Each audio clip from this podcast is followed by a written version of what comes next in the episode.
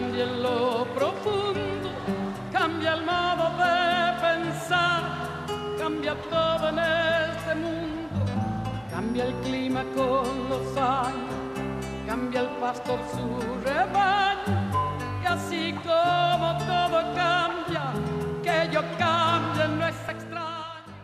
Deze derde podcast gaan wij in op de verandering van de omgeving en de betekenis daarvan voor het MBO. Want ook het MBO zal moeten veranderen. Of zoals Loesje ooit mooi zei: wie met beide benen op de grond staat, komt niet ver.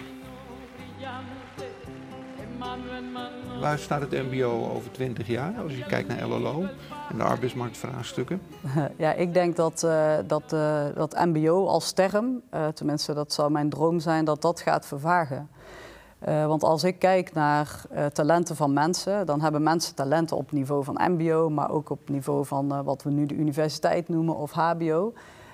maar door de silo's die we hebben aangebracht in ons onderwijssysteem, blijf je eigenlijk of een MBO'er of een HBO'er of iemand die de universiteit kan, kan doen. Mm -hmm. Dus ik denk dat de term MBO, hoop ik, en, en HBO, dat dat steeds meer gaat vervagen. En dat het instituut school er ook anders uit mag zien. Ja. Dus dat de school ook veel meer zeg maar, geïntegreerd wordt in de samenleving, in de bedrijven, in de sociale werkbedrijven. Ja. En dat veronderstelt ook samenwerking. Want als je ja. zegt silo's binnen het onderwijs, ja. maar daarbuiten kan ik er ook nog wel een paar bedenken. Ja, zeker. Ja, ja die zijn we ook tegengekomen. Jij begon straks met jouw verhaal van je groep, mensen in een kwetsbare positie. Wie is nou beleidsmatig eigenaar van deze groep? Ja, dat, dat, is een, uh, dat is een lastige, hè, omdat dat wel, ook wel versnipperd is. Want die groep is ook niet maar één groep, hè, maar die bestaat uit mensen die uh, bijvoorbeeld laaggeletterd zijn. Uh, ook dat zijn vervelende termen even, maar dat zijn de termen die we heden ten dagen wel met elkaar zo hebben. Dus daar graag een alternatief voor als iemand daar een, een suggestie voor heeft. maar dat zijn ook mensen die uit de WW en, en bijstand komen. Mm -hmm. En eigenlijk is daar geen... Um, ja, daar is geen beleid op, want die, die groep is eigenlijk van, ja, van niemand. En vooral, niet. Ja. en vooral ja. niet als je zeg maar, het leren en het werken uh, gaat combineren. Dan kom je juist op een domein wat eigenlijk ja, niet het onderwijs zich onvoldoende eigenaar van voelt. Maar ook uh, de sociale zekerheid. En vul dat eens in aan de bovenkant qua leiderschap. Wat, wat moet daar dan gebeuren als je naar die tops van die silo's kijkt? Nou ja, om, om met elkaar mee te bewegen. Dus echt te zorgen dat, uh, dat, er, dat er minder wordt gestuurd zeg maar, op diploma-rendementen. En even vanuit onderwijs bezien dan. Um, en dat je echt gaat kijken naar, naar de bedoeling, naar de vraagstukken. En dat, ja, dat gaat eigenlijk zo ver dat je moet zeggen dat moet uh, in de top van Nederland, dus uh, op basis van de ministeries en de indeling, daar zou veel meer integraliteit mogen komen. En doel je dan op ministerie van OCW en Sociale Zaken?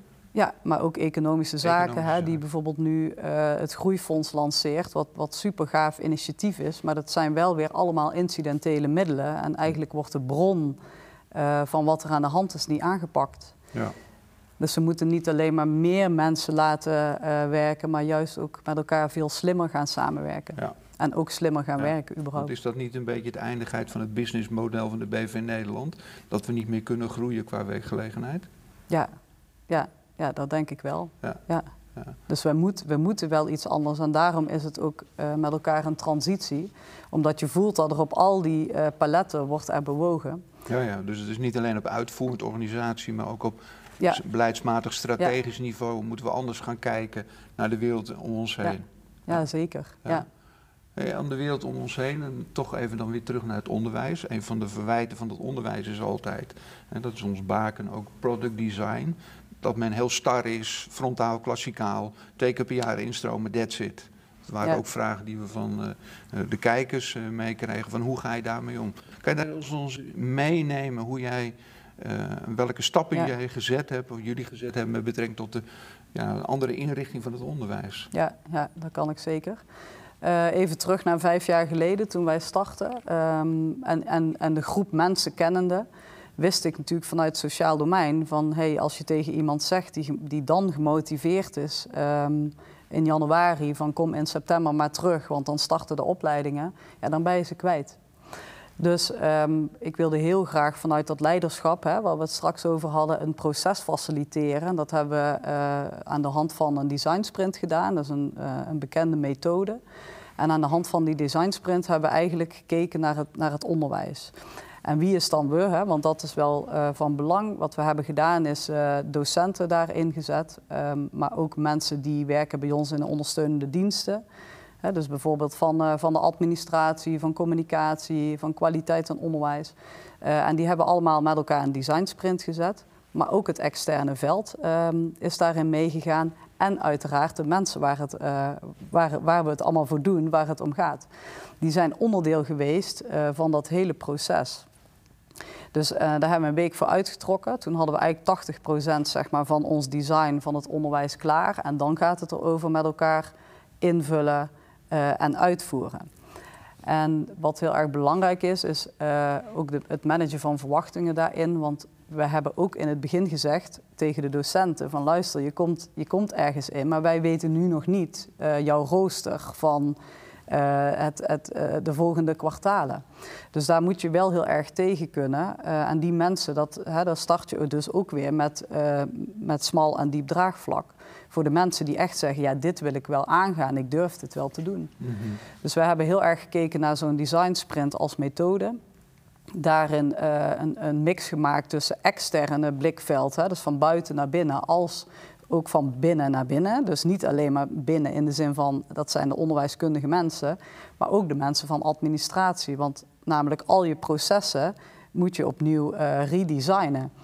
Um, en, en dat hebben wij met die hele groep gedaan. Dat is bijna een 180 graden draai-operatie. Ja, ja, en dat was toen eigenlijk, kijk, nu is het misschien meer gemeen goed ook in het -hmm. onderwijs, maar -hmm. destijds waren dat pas ja, ik denk binnen Summa was dit misschien de eerste of de tweede keer dat dat werd uitgevoerd. Op die en hoe manier. zie je dat terug in de zogenaamde derde leerweg? Hè? Want we kennen het MBO van BBL en Bol. Ja. Uh, nu is de derde leerweg. Wat, wat zien we daarvan in terug? En, en ook als je naar de toekomst kijkt? Wat bedoel je in de derde leerweg? De derde of? leerweg, zeg maar, het niet bekostigd onderwijs. Uh, ja, de BOL en BBL zijn bekostigde onderwijs. De derde leerweg is dat niet. Ja, klopt. Flexibel. Ja. Wat voor perspectieven biedt dat naar de toekomst toe? En welke, ja. Ja, welke uh, hindermacht of hiccups kom je daarin tegen? Ja. ja, ik denk derde leerweg is natuurlijk voor een onderwijsinstituut, uh, al een publiek onderwijsinstituut, ook een andere manier van kijken. Dus eigenlijk een, der, een derde leerweg is gewoon een instrument hè, um, om te zorgen dat je anders flexibeler kunt kijken naar je onderwijs. Uh, maar ook omdat je moet kijken van hé, hey, daar zit niet automatisch een uh, publieke bekostiging aan vast. Dus ook dat vraagt iets in je, in je kijken. Je moet wel van buiten naar binnen kijken, want anders is er niemand zeg maar, die iets wil uh, bekostigen. Mm -hmm. Dus wat, wat, wat ik denk op termijn is dat als je het hebt over de volwassene populatie, dat we steeds meer toe gaan groeien naar flexibel onderwijs. Dat zien we eigenlijk nu al, ook in het initieel wat veel meer gericht is op uh, de talentontwikkeling van een persoon. Um, maar ik denk zelf dat daar dat bijvoorbeeld zo'n BBL voor volwassenen, dat dat um, ja, een leerweg is die steeds minder vaak gaat voorkomen. Te meer omdat je wel één dag uh, ja, naar school moet gaan. Terwijl je in die ene dag kun je ook salaris verdienen of kun je je nuttig maken voor, uh, voor de maatschappij. Eh, en, in, en, in, dat opzicht, zeg maar, ehm, ja, biedt een derde leerweg heel veel flexibiliteit om, dat anders, om daar anders naar te kunnen kijken. Hm. Omdat het imago is nog altijd heel statisch hè, bij die MBO's. Ja, ja. ja dat klopt. ja. ja.